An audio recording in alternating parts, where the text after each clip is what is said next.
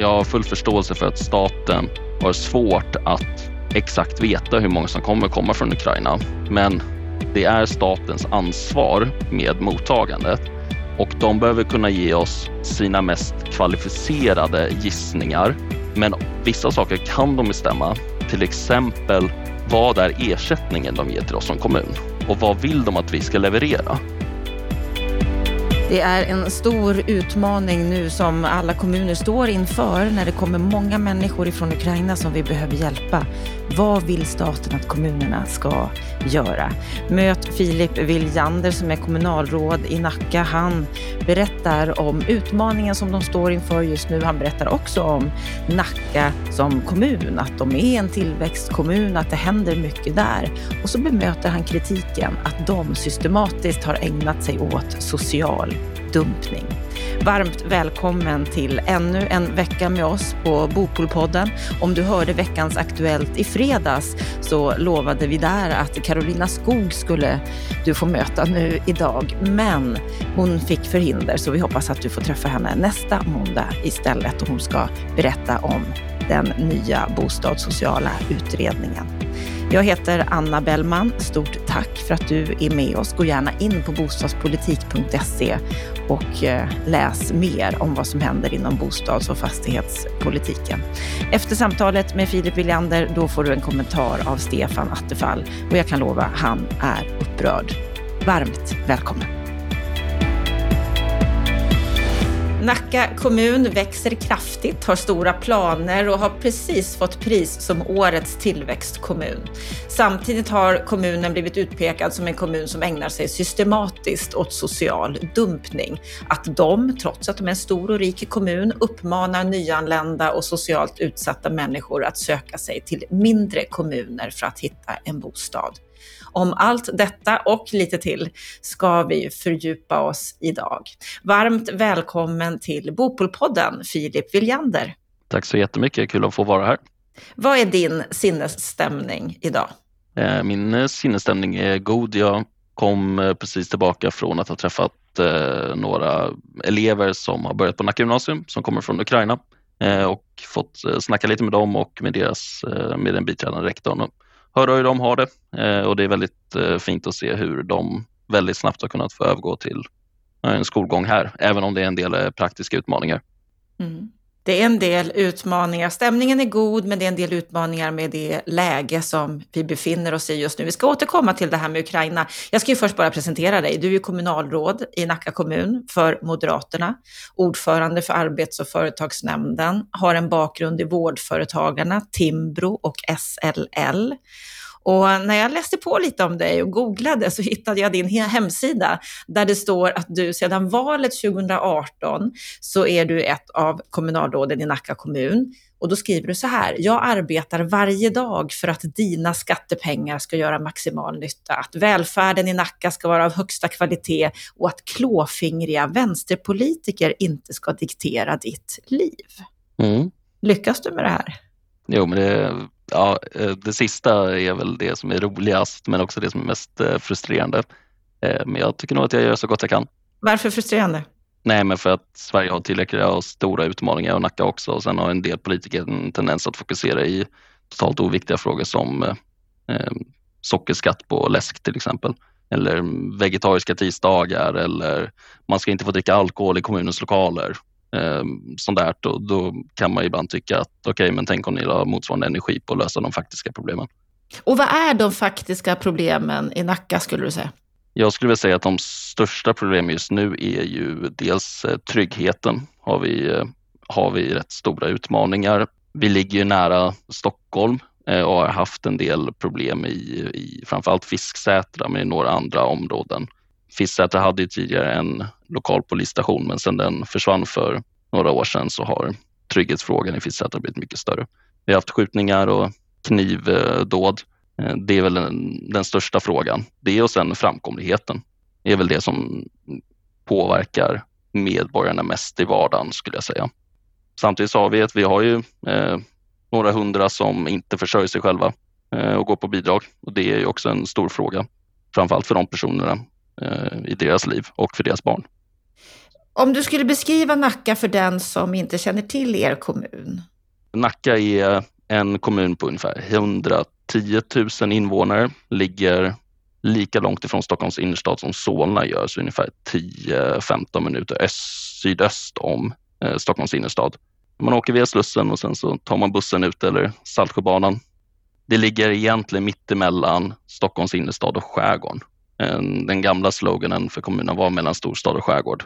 Man har alltifrån Saltsjöbaden i öster med fina Grand Hotel och eh, den mer skärgårdsnära delen till gamla industrier i väst som numera är ganska täta stadsmiljöer i ja, Sickla. Men det är också en ganska liten kommun till ytan, vi är 16 minst eller något, något liknande. När man bor här så känner man, oh, gud vilken stor kommun det är, men så jämför man sig med alla andra kommuner så är den väldigt liten. Liten till ytat, men med många, många invånare i, i kommunen. Och vad jag förstår så står ni inför en ganska stor expansion. Ja, det, och det har hänt mycket. Jag tror att när min farmor, jag vet inte om det var på 70 70-talet, min, äh, min farmor kommer härifrån och min farmors far. Eh, så min familj har bott i Nacka sedan början på 1900-talet tror jag. Då på 70-talet så var Nacka 25 000 invånare eh, ungefär och nu vi, vi gick om Gävle här för två år sedan. Eh, så nu har vi nästan 110. Vi kommer väl till ungefär 2040 vara 140 000 invånare. Så lite ungefär vad Uppsala är just nu, alltså Uppsala, centrala Uppsala och inte Uppsala län. Eh, det ska byggas 13 500 bostäder i centrala Nacka och 20 000 i hela kommunen eh, fram till 2030-2040 ungefär. Och 15 000 nya arbetsplatser. Så det händer mycket. Ja, det är en rejäl tillväxt. Ni har ju också fått pris som årets tillväxtkommun av World in Property och Lokalguiden. Kommer ni att klara den här expansionen? Ja, det kommer vi göra, men vi har ju en del utmaningar. Skälet varför det här egentligen går att göra Alltså det här antalet är inte något som är taget utifrån, utifrån luften utan det är knutet till Stockholmsförhandlingen och tunnelbaneavtalet där vi ser till att å ena sidan leverera eh, 13 500 bostäder eh, och medfinansiering genom det och å andra sidan få kapacitetsstark tunnelbana ut till Nacka Forum eh, som kommer göra en jättestor skillnad i framkomligheten i kommunen. Eh, så de två hänger ju ihop. Men vi har en väldigt noggrann genomförande planering Alltså dels hur ska vi få till, se till att det här blir av? Hur delar vi upp etapperna? Hur ser vi till att det samlirar med infrastrukturen som inte bara är vägarna men frågor som el har vi haft en hel del problem med att om vi hade gjort som den ursprungliga planen var så hade elen tagit slut och då hade man inte kunnat ansluta de nya bostäderna. Men också vatten och avlopp och fjärrvärme och se till att allt det här taktar med varandra. Ja, det, det är en utmaning i sig. Ja, det kan man verkligen säga. Elen är ju verkligen en sån fråga som en del medborgare. Eh, det är väldigt svårt att tänka sig hur det hade varit om vi hamnade i den situationen i Stockholm som Stockholm var på väg mot, eh, där det till slut hade blivit så att vi hade varit tvungna att ransonera el mellan olika stadsdelar eh, när kapaciteten eh, är mycket lägre än behovet vid ett visst tillfälle. Och det är ju sånt som man mest förknippar underutvecklade länder med. Men som faktiskt är en realitet i, i London, vet jag, för vi bodde i London på 90-talet. Och då så berättade pappa om hur han satt på banken i, ja, jag misstänker att det kanske är Canary Wharf. Eh, så satt de där och sen så går strömmen i hela kvarteret. För då det, hade de kapacitetsbrist och sen så stängde hela bankkvarteret ner och då var det bara att knalla hem. Och det känns ju väldigt otroligt att, man, att vi skulle hamna i en sån situation här. Eh, verkligen ingenting som man kan förvänta sig. Känner du dig trygg inför den här utvecklingen? Ja, eh, det gör jag. Samtidigt så, just nu är vi ju mitt i det. Så ibland så funderar man, okej okay, men hur ska det här gå till? Men alla de här små åtgärderna som vi gör just nu är, alltså vi är nere på sån detaljnivå att det känns svårt att det skulle misslyckas. Det handlar verkligen om, okej okay, hur exakt ska vi flytta den här vägen dit för att samtidigt kunna se till att bussen kan ta sig fram och att lastbilarna med stenkrossen ska kunna ta sig därifrån se till att vattenavrinningen funkar under tiden om man till exempel spränger bort en eh, liten kulle eh, men där det ändå fanns jord som kunde suga upp vatten. Hur ser vi till att vattenavrinningen funkar under tiden? Allt det här är vi nu nere på en sån extremt genomarbetad nivå att jag känner att jag kan slappna av. Och det har vi verkligen goda ja, tjänstemän som är på den här frågan. Och Det handlar i allting om hur ska vi stänga av Saltsjöbanan? eh, se till att liksom få alla de här delen i Saltsjöbanans avstängning att komma vid rätt tillfälle. Värmdövägen, där kan vi inte bara stänga av Värmdövägen ett par år för sen öppna den ett år och sen stänga den. Utan den måste kunna funka hela tiden och all annan teknisk infrastruktur. Vad, vad får ni för stöd för det här om man tittar på regional och nationell nivå? Eh, jag skulle väl egentligen inte säga att vi får något eh, särskilt stöd. Alltså, utöver det, vi har ju kommit överens om genom Stockholmsförhandlingen med regionen och staten att bygga ut tunnelbanan. Det är ju vår, men det, är, det var ju en förhandling som sen mynnade ut i ett avtal. Och där är det klart att där diskuterar vi ihop ja, men hur där regionen gör sin del i att bygga ut tunnelbanan Eh, vi gör vår del för att se till att detaljplanen kommer få plats. Ehm, men utöver det så har inte vi något större stöd. Ehm, men just samsynen kring utvecklingen och att den är nödvändig, det är väl ett indirekt stöd i sig. Däremot hade jag kunnat förvänta och förhopp eller hoppas på att staten hade tagit bort en del av de regelverk som gör eh, byggnationen krångligare och dyrare för oss. Länsstyrelsen till exempel kan man fråga sig en del av deras prioriteringar när de tycker till om våra detaljplaner. Bostadsutvecklingen sägs ju vara ett viktigt allmänintresse, men det verkar inte riktigt lysa igenom utan det är ju mer de här klassiska riksintressena som det står emot. Och det tycker jag att vi ganska ofta stöter på, där vi försöker få till utvecklingen av kommunen eh, så att det inte bara blir de här bostäderna utan bygga fotbollsplaner och se till att industriområden utvecklas Sen så står vi ändå oss och stångar oss blodiga mot någon naturvärdesinventering eller strandskydd. Så vad är det viktigaste du skulle vilja att man på nationell nivå ändrar för att det skulle underlätta för er att lyckas med den här expansionen?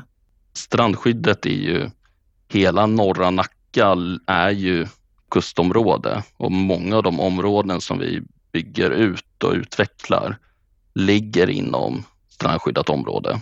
Och då en del av de här är ju gamla industrier och kontorslokaler. Men när vi sen gör om detaljplanen så återinträder ju strandskyddet. Eh, även fast en industri kan ha stått där hur länge som helst. Eh, och det är väl en, någonting som man verkligen skulle kunna ta bort med en gång. Så strandskyddet är väl den första och största.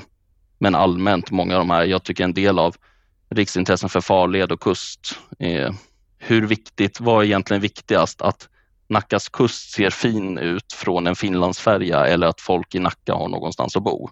Den eh, avvägningen, då vet jag i alla fall vad jag själv skulle välja och det är väl kanske inte riktigt Finlandsfärjans perspektiv. Men de här eh, stora summorna av bostäder, nästan 35 000. 13 500. 13 000 och sen var det 20 000 till va? Uh, nej, men totalt är det 20 000 i hela kommunen. Totalt 20 000 i hela kommunen fram till 20 35, 35 40. 40. Lite, vi, vi, har fått lite extra marginal för att vi lyckades inte få igenom, det finns en gammal oljehamn i Nacka där vi, där vi äger marken. Eh, där vi sa upp tomträttsavtalet, eh, eller vi förlängde det inte med Circle K, eh, men där vi inte fick eh, rätt. Utan till slut så hade vi en förlikning och då så ska vi få tillbaka den marken 2036. Då fick vi också skjuta på en del av de bostäderna, för det var 2-3 tusen bostäder och där var det också en fråga om, om riksintresse, men det var ja, ja, ett mer rimligt riksintresse. Det handlar om eh, försvarets intressen av att ha en oljehamn eh, centralt. Så den, den kan jag ju känna viss eh, sympati för. Samtidigt så fanns det andra ställen som ville ha en oljehamn. Så då kan man ju tycka att då kunde de ju få oljehamnen istället. Jag tror att Södertälje ville bygga ut eh, sin hamn. Ja, det finns många olika parametrar att ta hänsyn till i, i samhällsbyggandet och just nu står vi ju inför en världsomvälvande, kan man ju säga, situation. Du berättade ju här inledningsvis att du, när det här samtalet spelas in, hade träffat några ungdomar som har börjat på Nacka gymnasium som kommer från Ukraina. Och vi står ju inför förmodligen ganska stora flyktingströmmar från Ukraina. Hur, hur agerar ni när det, gäller, när det gäller det? Vi försöker vara så proaktiva och noggranna i all form av planering vi kan vara utifrån den situationen vi sitter i just nu vi har väldigt svårt att få besked från den statliga nivån, vilket gör det svårt för oss att också planera på ett vettigt sätt. Så ska man vara krass så planerar vi i Nacka just nu för ett mottagande som kan vara stort eller litet och på lång och kort sikt. Så vi planerar utifrån våra mest kvalificerade gissningar och inte statens mest kvalificerade gissningar. Så vi arbetar utifrån olika scenarier, att vi får många som ska vara här på kort tid eller många på lång tid och få på kort tid och få på lång tid.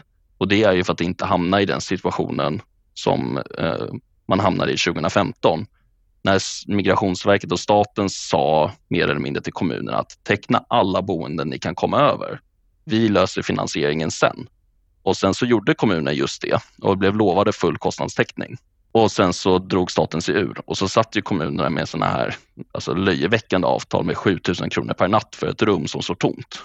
Eh, så där, och det är ju vi mycket mer noggranna med eh, den här gången, att inte lita på staten för det första, men att också försöka kräva ordentliga besked. För det handlar om att ge ett så pass bra mottagande för de som kommer från Ukraina. Vi vill inte bara ha en förvaring. Det är klart att vi kan ta emot hur många som helst, mer eller mindre, om standarden man erbjuder är väldigt låg. Men vi vill ju kunna erbjuda de som kommer en bra skola. Det ska vara drägliga levnadsvillkor så att man också klarar av att gå i skolan. En del av de som kommer har ju särskilda behov. Man kan ju ha någon form av funktionsnedsättning. Då ska man ju också kunna erbjuda från kommunens sida det stödet som krävs. Eh, och därför vill vi göra vår planering så noggrann som möjligt. Och vad är det för besked ni vill ha ifrån dem? Det är ju ett osäkert läge, det är svårt att veta hur många som kommer. Jo, eh, och jag har full förståelse för att staten har svårt att exakt veta hur många som kommer komma från Ukraina. Men det är statens ansvar med mottagandet och de behöver kunna ge oss sina mest kvalificerade gissningar. Men vissa saker kan de bestämma, till exempel vad är ersättningen de ger till oss som kommun och vad vill de att vi ska leverera? Eh, nu har jag ju sett att staten har gått ut med att de ska upphandla tältläger och statliga baracker. Vilket vi vill inte ha tältläger i Nacka för det behövs inte. Vi har, vi har platser där vi kan ta emot ukrainare. Och vart är det? Till exempel så har vi, eh, det finns hotell eh, som de kan bo på. Det finns nedlagda skolor som står tomma. Eh, vi har ett gammalt flyktingboende. Så det finns eh, lokaler där vi kan på kort tid göra i ordning för att kunna få ett, eh, ett mottagande med högre standard än ett tältläger på Gärdet. Det kommer inte bli bra för de här barnen som sen på morgonen ska gå till skolan efter att de har spenderat, bott i en jättesovsal på en äng, även om den är uppvärmd. Och här kan staten faktiskt gå in och säga, vi vill att ni gör i ordning med den här standarden Eh, för så här lång tid. Och där kan de ju dela upp. En del kommuner skulle kunna ha evakueringsboenden på kort tid. Medan andra, okej, okay, men ni, ni får ta emot på lite längre tid. Så då kan ni gå igenom lite mer noggrant och försöka hitta varaktiga lösningar eller säga vilken blandning de vill ha. Men då behöver också vi få en, få en ersättning. Vill de att vi ska arrangera eh, liksom Grand Hotel-standard eller vandrarhemstandard? Vi, med rätt ersättning kan vi leverera i princip vad som helst. Eh, men vi behöver ju veta hur eh, ersättningen ser ut. Och jag tänker också fördelningen, för det är klart att de kan inte veta om det kommer 50 000 från Ukraina eller 150 000. Men det de kan veta och det de borde också fatta beslut om snart, det är trots allt gått en månad, över en månad nu, det är hur de kommer fördela. Nacka är en procent av Sveriges befolkning. Om vi då tänker oss att eh, Nacka tar emot en procent av de som kommer till exempel, då ger det oss ett, och då kan ju vi också se, okej okay, nu har det kommit 100 000, okej då är det 1000 för Nacka, okej nu är vi uppe i 150 000, okej då är det 1 5 till Nacka. Det är ju, och det kan ju faktiskt staten redan nu veta om hur de ska göra. De har haft sedan 2015 på sig att förbereda eh, för en ny flyktingkris. Och nu så står de här med byxorna nere. Du sa tidigare här att ni skulle kunna ta emot i princip hur många som helst. Eh, hur många skulle ni kunna ta emot under drägliga förhållanden? Nej, men det är verkligen det som är, allting handlar om vilken standard. Om staten tycker att drägliga förhållanden är tält, då kan man trycka in hur många som helst. Eh, men, men, eh, så jag vill inte gå in på exakt hur många. Utan det blir så himla, det blir så himla mycket. Det är klart, om vi tar alla vanliga hotell, eh, då kan vi få ett visst antal. Om vi sen börjar köra sovsalar, flyktingboenden, då blir det en helt annan del. Så ett exakt antal blir alldeles för hypotetiskt egentligen för att kunna säga, ge ett vettigt svar. Men du önskar mer av dialogen med Migrationsverket och staten? Ja, någon typ av dialog. Vi, vi har jättebra dialog och, och eh, samtal inom länet, alltså med samverkan Stockholmsregionen och dialog med Länsstyrelsen. Där har vi bra besked. Problemet är att de inte sen kan veta, för de får inte heller veta från Migrationsverket. Men internt i länet så har vi god dialog med andra kommunalråd och andra direktörer. Vi har ju andra kommuner som har gjort i ordning bostäder för att Migrationsverket har sagt ni kommer få ukrainska flyktingar så gör de i ordning bostäder och sen fick de inga flyktingar. Så bygger man inte förtroende mellan, eh, mellan myndigheter. Vi ska gå in på ett begrepp, ett område som det har skrivits och tagits upp mycket i media om de senaste två åren här, nämligen uttrycket social dumpning. Där Fagersta bland annat nyligen har uppmärksammat Nacka som en av de kommuner som har uppmuntrat tidigare kommuninvånare, nyanlända, socialt utsatta, uppmuntrat dem att flytta till Fagersta. Här kan vi se att ni har olika åsikter i frågan och jag vill ju gärna ge, att du ska få ge din version av det här Filip, för vi hade Fagerstas kommunstyrelseordförande Marino Wallsten här i podden för några veckor sedan. Om vi bara börjar med själva begreppet social dumpning, hur, hur, hur ser du på det? Jag tycker att det skickar en eh, signal om eh, vilken syn man har på människan. Eh, att människan är en, en produkt som något annat som man kan dumpa och flytta runt lite grann som spelpjäser i sitt eget spel. Där individer med egna viljor, egna liv. Ingenting som man som kommunpolitiker skickar runt till en annan kommun för att man själv tycker det är en bra idé. Så jag tycker att det skickar en signal om att det här är oönskade människor, eh, vilket heller inte lirar väl med hur man traditionellt ser på mottagande eh, och nyanlända som en tillgång. Att man å ena sidan säger att eh, det här är personer som är en tillgång och å andra sidan en belastning. Det blir också, det är inte helt stringent, tycker jag. Och då har ju ni blivit kritiserade av Fagersta för att ni är en kommun som just skickar runt personer, eller i alla fall uppmuntrar dem att söka en bostad i en annan kommun, som exempelvis då Fagersta. Vad säger du om, om den här reaktionen ifrån Fagersta mot er? Nej, men jag säger att eh, Nacka kommun har, vi har ingen möjlighet att reglera vart människor flyttar. Som tur är så har vi i Sverige inte kommunarrest uppenbarligen så verkar det som om en del vill ha kommunarrest och att man blir livegen till den kommun man först blir anvisad till. Att eh, nu hamnar du i Täby, nu är Täby din ort eh, och du ska förbli här. Din egen vilja är, är sekundär. Det stämmer att ett antal flyktingar som har varit anvisade till oss av Migrationsverket har flyttat till Fagersta under de här två åren då som deras kommunstyrelseordförande lyfter fram. Men det stämmer ju å andra sidan inte att det är kommunen som har tagit kontakt med bostadsbolaget och skickar dit någon, utan det är familjerna själva som hittar boende i deras kommun. Sen att de tycker att det är hemskt att, att någon flyttar till Fagersta, det, det får stå för dem. Men stämmer det att ni har ett system med bosöksstödjare som ger information till personer om hur de söker bostäder i hela landet?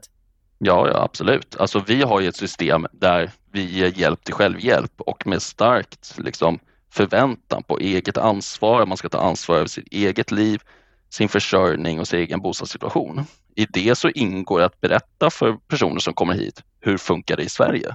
Eh, de flesta länder har ju inte ett lika illa fungerande bostadssystem eh, och bostadsmarknad som vi har här. Med tanke på att du ska stå och köa i 20-30 år för att få tag på en hyresrätt. Eh, det systemet finns inte. Alltså, bara det att min, min mamma kommer från Norge. Jag berättade för henne i fjol, hon har bott där i 40 år nu, att det vore en bra idé att ställa dig i bostadskön. Eh, men eh, de har ett annat system i Norge som funkar bättre. Men då förklarar vi för personen att så här funkar det. Det här är en bostadskö. Eh, så här ser det ut hos olika byggherrar. En del har ju, har ju byggherrarna egna bostadsköer. Jag tror till exempel Wallenstam har väl så medan en del är helt upp, överlämnat till kommunerna. I Stockholm har vi väl en gemensam. Eh, men förklara att så här ställer man sig i dem och eh, du får en bostad av oss i två år. Det är, de, det är de, den tiden som staten betalar för. Och efter det så är det eh, vår förväntan att du själv tar ansvar för din bostadssituation. Precis, precis, ja, precis som alla andra Nackabor. Och här gör inte vi skillnad baserat på etnicitet. Att bara för att du kommer från ett visst land då gäller inte de traditionella reglerna för bostadsmarknaden dig. Det är inte mer synd eller mindre synd bara för att man har en annan etnicitet. Eh, och jag tycker inte att man ska få gå före i bostadskön då. Men om ni hade fått mer stöd från staten under en längre period än två år som ni får idag, hade de kunnat bo kvar hos er då? Ja, men om staten säger, just nu så säger staten, två år får ni pengar för, eh, för etableringsprogrammet. Säger de för fyra år, då levererar vi fyra år. Det är inget konstigt. Fler kommuner i länet vet jag har börjat gå mot eh, hur vi gör i Nacka. För att de ser att i andra kommuner har man exakt samma problem som man har i, i ja, egentligen alla kommuner. Eh, det finns ju de kommuner som sätter fem år istället för två år. Problemet är ju att personerna som bor på de här femårskontrakten inte tar tag i sin bostadssituation förrän det sista halvåret ändå.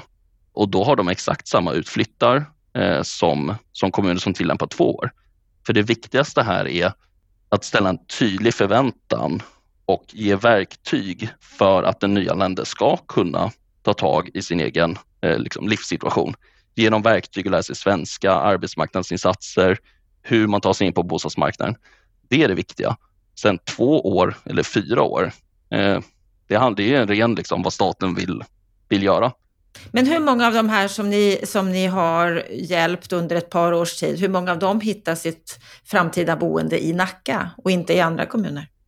Jag har inga exakta siffror. Eh, framförallt så är det att när man slutar vara, eh, när man slutar gå på bidrag, alltså de som eh, tar sig ut på bostadsmarknaden lämnar ofta eh, ett bidragsberoende och då så är det inte vår uppgift att liksom, kontrollera och följa upp dem.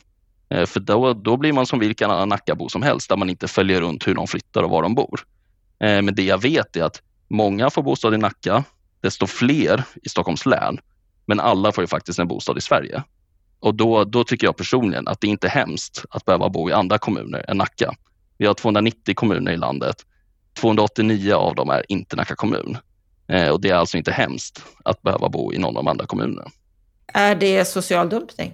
Nej, absolut inte. Vad är då social dumpning? Om inte att människor som skulle kunna ha fått ett bostad hos er, som har börjat sitt liv i Sverige hos er, inte längre kan göra det? Ja, men eh, Stockholmsregionen har en av Sveriges, eh, har Sveriges absolut högsta eh, boendepriser. Och det här var ju ett problem som vi förde fram när man gjorde bosättningslagen. Att ja, förvisso har vi en god arbetsmarknad, eh, men har ni sett våra bostadspriser? Har ni sett hyres eh, bostadskön? Det är 600-700 000 människor som står i det.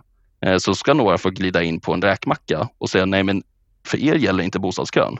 Eh, och det tänker inte jag ställa mig bakom.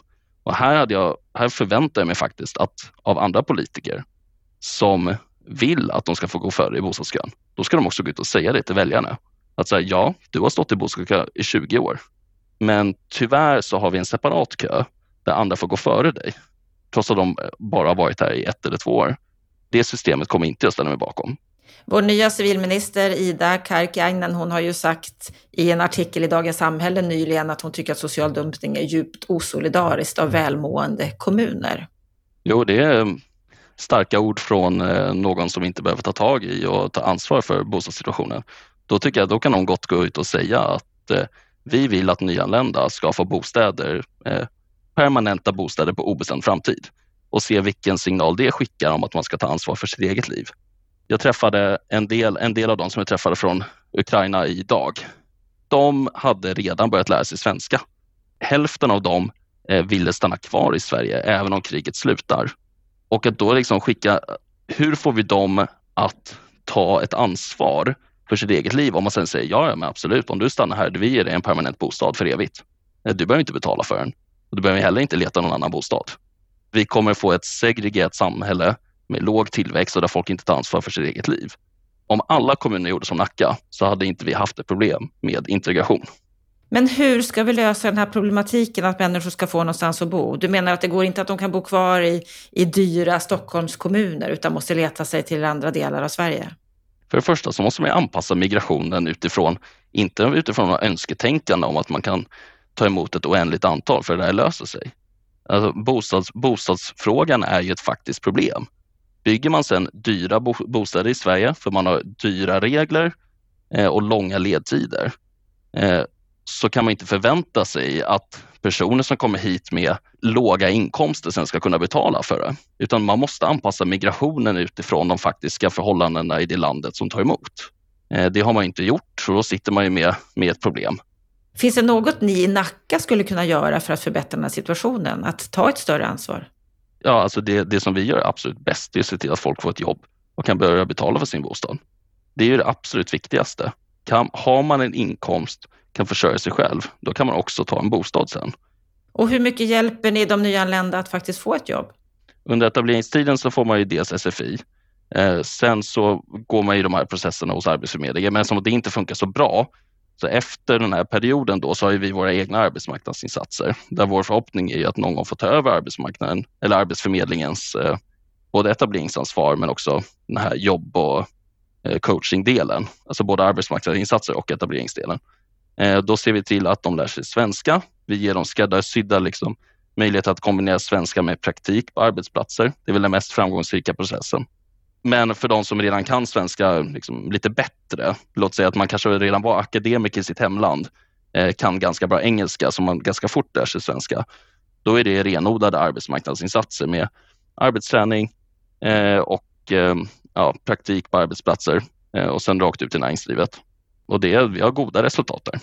Kommer ni anamma det nu också, beroende på hur många som kommer från Ukraina? Ja, men den stora skillnaden med Ukraina är att de omfattas av andra, lag, eh, andra lagar. Eh, redan här har man gjort en skillnad på andra flyktingar och de ukrainska flyktingarna. Ukrainska flyktingar har ju enligt lag till exempel inte rätt till SFI. Jag tänker inte föregå någonting och vet inte exakt själv vad jag, vad jag tycker utan här får staten också bestämma sig. Jag tycker att det kan vara rimligt att personer lär sig svenska. Men någon måste betala för det. Men, och då får man ju säga sen att det här betalar staten eller det här betalar kommunen. Men en del vet ju inte vi hur länge de kommer stanna. Och så länge de stannar så är det vettigt att man kan ta sig fram på, så, på någorlunda svenska. Man behöver inte perfekt svenska, men någon svenska är ju bättre än ingen svenska. Och några av dem jag träffade idag hade ju redan börjat lära sig. Det var riktigt eh, fascinerande. Man blev, eh, ja men det, det kommer att gå bra för de där, de ungarna eh, efter skolan. Vi är ju i en speciell situation. Vi är ju i ett läge med det här kriget som vi ju inte kan förutspå vad som egentligen kommer att hända och hur många människor som kommer att komma hit och som vi behöver hjälpa framåt. Vad är det viktigaste i ditt ledarskap nu framåt och i din politik för att navigera på bästa sätt? Jag har en eh, medarbetare i kommunen, en, en tjänsteman som hon är eh, cool och duktig och hon brukar säga att eh, vi ska hålla huvudet kallt och hjärtat varmt. Att inte, jag, jag fick framför allt i början var det väldigt många som, vi måste göra någonting. Och folk springer åt alla håll på bollar som dyker upp. Och det viktigaste är inte att göra någonting, det viktigaste är att göra någonting som är rätt. Eh, och man får inte, ibland så är den här, folk vill skicka en signal om att de agerar och är handlingskraftiga och eh, tycker rätt och, och sådär. Eh, det är ju till syvende och sist liksom inte det viktigaste. Utan vi måste se till att, och heller inte upprepa de misstagen som man gjorde 2015, för då var det väldigt mycket det här, öppnar jag hjärtan, mitt Europa bygger inga murar och sen så bara krasch med verkligheten och sen så bygger man murar och har inte öppna hjärtan. Och det får vi inte heller upprepa. Ha is i magen, se hur ser det ut, hur kan vi planera, alltså lite tråkigt och byråkratiskt. Okej, okay, om Migrationsverket inte vet hur många det är som kommer komma till Nacka, okej okay, men bra, då planerar vi 100 personer, 1000 personer, hur gör vi för 1000 personer? Vad behövs då? Hur finansierar vi det? Eh, vilka bostäder finns då? Eh, och att ha det här lite mer lugna eh, tillvägagångssättet. Men sen hela tiden, det är ju av omtanke eh, för individerna som kommer som man är lite lugn och tråkig och byråkratisk. För det är ingen idé att stå, jag kan förstås på, stå på centralstationen och ta emot flyktingar. Jag gör nog inte bäst nytta där. Utan jag, jag gör säkert bäst nytta om jag sitter och räknar och eh, funderar tillsammans med tjänstemännen om hur vi ska lösa det här på bästa möjliga sätt, både på lång sikt och på kort sikt. Och samtidigt håller huvudet kallt och hjärtat varmt. Då försöker vi göra det fortsättningsvis. Stort tack Filip för att du var med i Bopolpodden. Tack själv, jättekul att få vara med.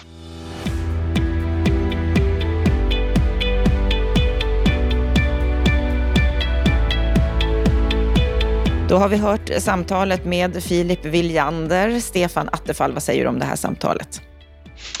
Det är ett intressant samtal därför att det speglar liksom utmaningar, problem för en tillväxtkommun som Nacka som har vuxit kraftigt och eh, ska växa kraftigt också framöver utifrån den här Stockholmsförhandlingen och så. Samtidigt ska man också säga att Nacka är inte så att de är extremväxare på något sätt. De tuffar på där med en eh, 1000-1500 netto då ökning varje år. Men det är faktiskt fler kommuner som har gjort den resan och gör den resan. Eh, Jönköping, Umeå Uppsala är ännu mera. Så att det är ingen exceptionell ökning som Nacka gör, men de har vuxit och kommer att växa och de har tillväxtbekymmer ska jag säga och jag tycker hans resonemang om utmaningarna gentemot staten, både bristen på stöd men också med strandskyddsregler och liknande saker. Det är ganska illustrativt för, för vilka problem som man brottas med i den här typen av kommuner.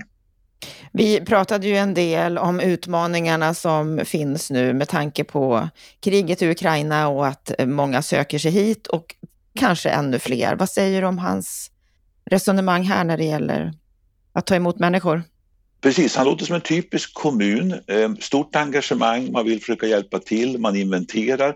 Och, och här märker jag en riktig irritation eh, mellan kommunpolitiker, staten och Migrationsverket och eh, Anders Ygeman som ansvarig minister måste nog fundera på vilka signaler man skickar. Först går man ut och utmanar kommunerna. Hjälp till, inventera alla platser. Va? Och så gör kommunerna det. Sen upphandlar man eh, privata platser samtidigt också. Och sen så plötsligt säger man nej, eh, det behövs inte. Och så säger man det som ni redan har gjort, där ska vi flytta också folk till, därför att vi ska koncentrera nu Eh, till vissa regioner där vi har våra kontor. Å andra sidan säger både Mikael Ribbenvik som är generaldirektör och Anders Ygeman som är ansvarig minister att vi ska sprida ut eh, de människorna över landet. Vi ska inte koncentrera dem på några få orter.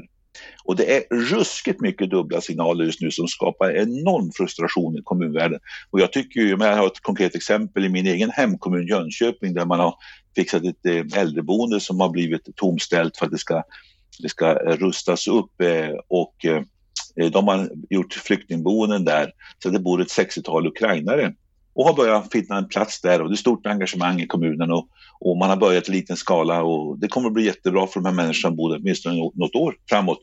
Nej, då säger Mikael Rybbevik och generaldirektören att nej, vi ska koncentrera oss, vi ska tömma den här boenden, vi ska flytta dem ner till andra områden och koncentrera dem i olika områden istället för att ta dem då i en, i en region med mycket jobbtillfällen som Jönköping är.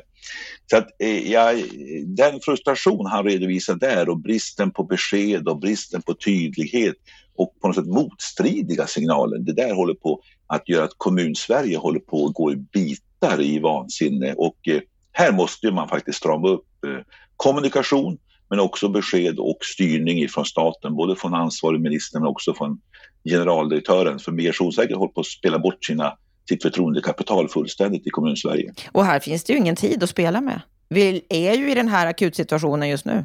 Ja, och ingen kommun, som han själv antydde förut så kände man sig lurad. Man fick besked om man skulle få ersättning och så fick man inte det. Det är samma bild på många andra ställen. Eh, men nu håller man, på att känna sviken igen och inte vet riktigt vad man ska tro. Alltså kommunerna kommer inte ställa upp. Va? Och det är det som är effekten. Man kommer att skita i staten. Och eh, det är alltså, ja, jag, jag blir upprörd när jag hör hans berättelse för den stämmer överens med många andra berättelser jag ser eh, bland kommunpolitiker just nu. Är du orolig för det här? Jag är orolig för att Migrationsverket håller på att göra bort sig fullständigt och eh, ytterst ansvarig är ju Anders Ygeman. Ja, man kan inte sitta i tv, Anders Ygeman, och säga att vi ska sprida ut dem i hela landet och Mikael Ribbevik säger samma sak i nationell eh, radio och sen så gör Migrationsverket precis tvärtom i praktiken. Man koncentrerar det och man till och med flyttar bort dem som har lyckats ordna ett bra boende eh, för att koncentrera dem på vissa orter. Och, och ja, nej, det, det, det, är en märklig ordning och det är dubbla signaler och det är mycket irritation i kommunen Sverige. Vi pratade ju också i samtalet om det här med social dumpning. Vad säger du om hans hållning här när det gäller svårigheten att erbjuda bostad? Jag tycker att det finns ett, eh, å ena sidan ett dilemma han pekar på som jag har respekt för. Svårigheten att eh, lösa det praktiskt, det bostadsbrist, bostadsköer, det politiska problemet att motivera varför ska vissa kunna få mer hjälp än andra och ska, alla ska lika behandlas och, och alla de här opinionsyttringar som man ska hantera som politiker. Där kan jag ha respekt och det är ett dilemma och det är en svårighet.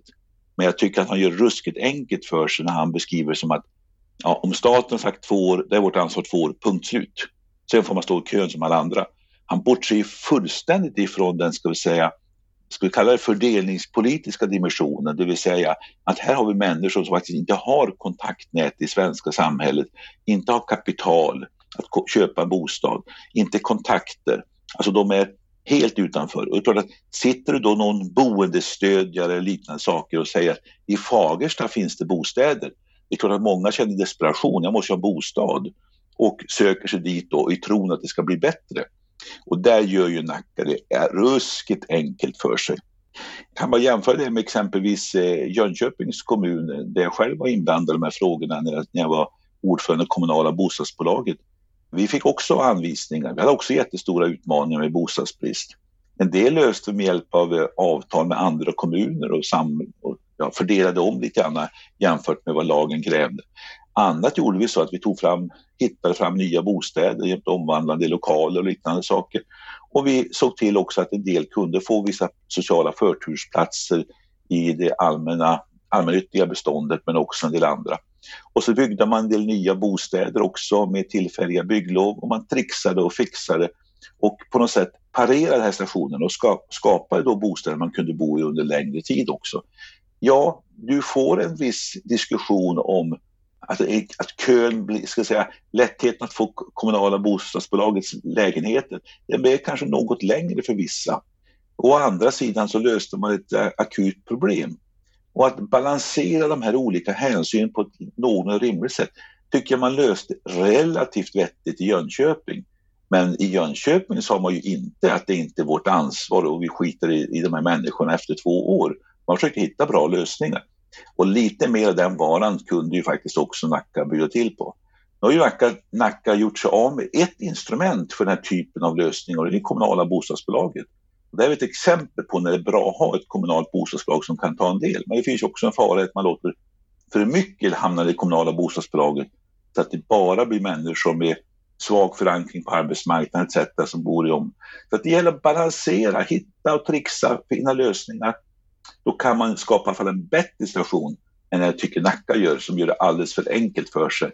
Så att eh, lite grann medskyldiga är de nog till den sociala dumpningen även om de inte har aktivt kanske skickat flyktingar till andra kommuner. Men eh, de och en del andra Stockholmskommuner gör det lite för enkelt för sig tycker jag. Vad borde de konkret göra nu? Vara lite mer flexibla, mer uppfinningsrika, försöka hjälpa till och inse att de här människorna som har kommit till Sverige och fått uppehållstillstånd de har faktiskt en sämre sits på bostadsmarknaden än vad de flesta andra har. Som, som exempelvis kanske får flytta hemifrån lite senare eller som kanske inte kan flytta till exakt den bostad de har. Man måste hjälpa till och hitta lösningar. Bygga mera, självklart. Hitta nya lokallösningar, tillfälliga eh, bygglov, eh, bygga om lokaler, hjälpa varandra i kommunerna runt Stockholm för att försöka hitta bra lösningar, inte bara lämna dem vind för våg. Men jag håller med honom på en viktig punkt. Staten har också gjort det här alldeles för enkelt för sig och skyfflat över problemet i alltför hög grad till kommunerna. Exempelvis borde man ha hjälpt mer än två år eh, från statens sida för att ge längre övergångsperioder, längre planeringshorisonter för kommunerna. Så att staten har ett ansvar, Nacka, och gör det samtidigt för enkelt för sig med flera kommuner, inte bara Nacka. Med den kommentaren så lämnar vi samtalet med Stefan Attefall och med Filip Williander. Stort tack för att du är med oss och lyssnar på Bopolpodden. Vill du förkovra dig mer, gå gärna in på bostadspolitik.se där vi samlar allt det som viktiga som händer inom bostads och fastighetssektorn. Där kan du också skriva upp dig på ett nyhetsbrev som kommer varje fredag där vi samlar det viktigaste som har hänt under veckan. Och där får du också veckans Aktuellt som spelas in till på fredag. Så eh, med detta önskar vi dig en riktigt trevlig vecka.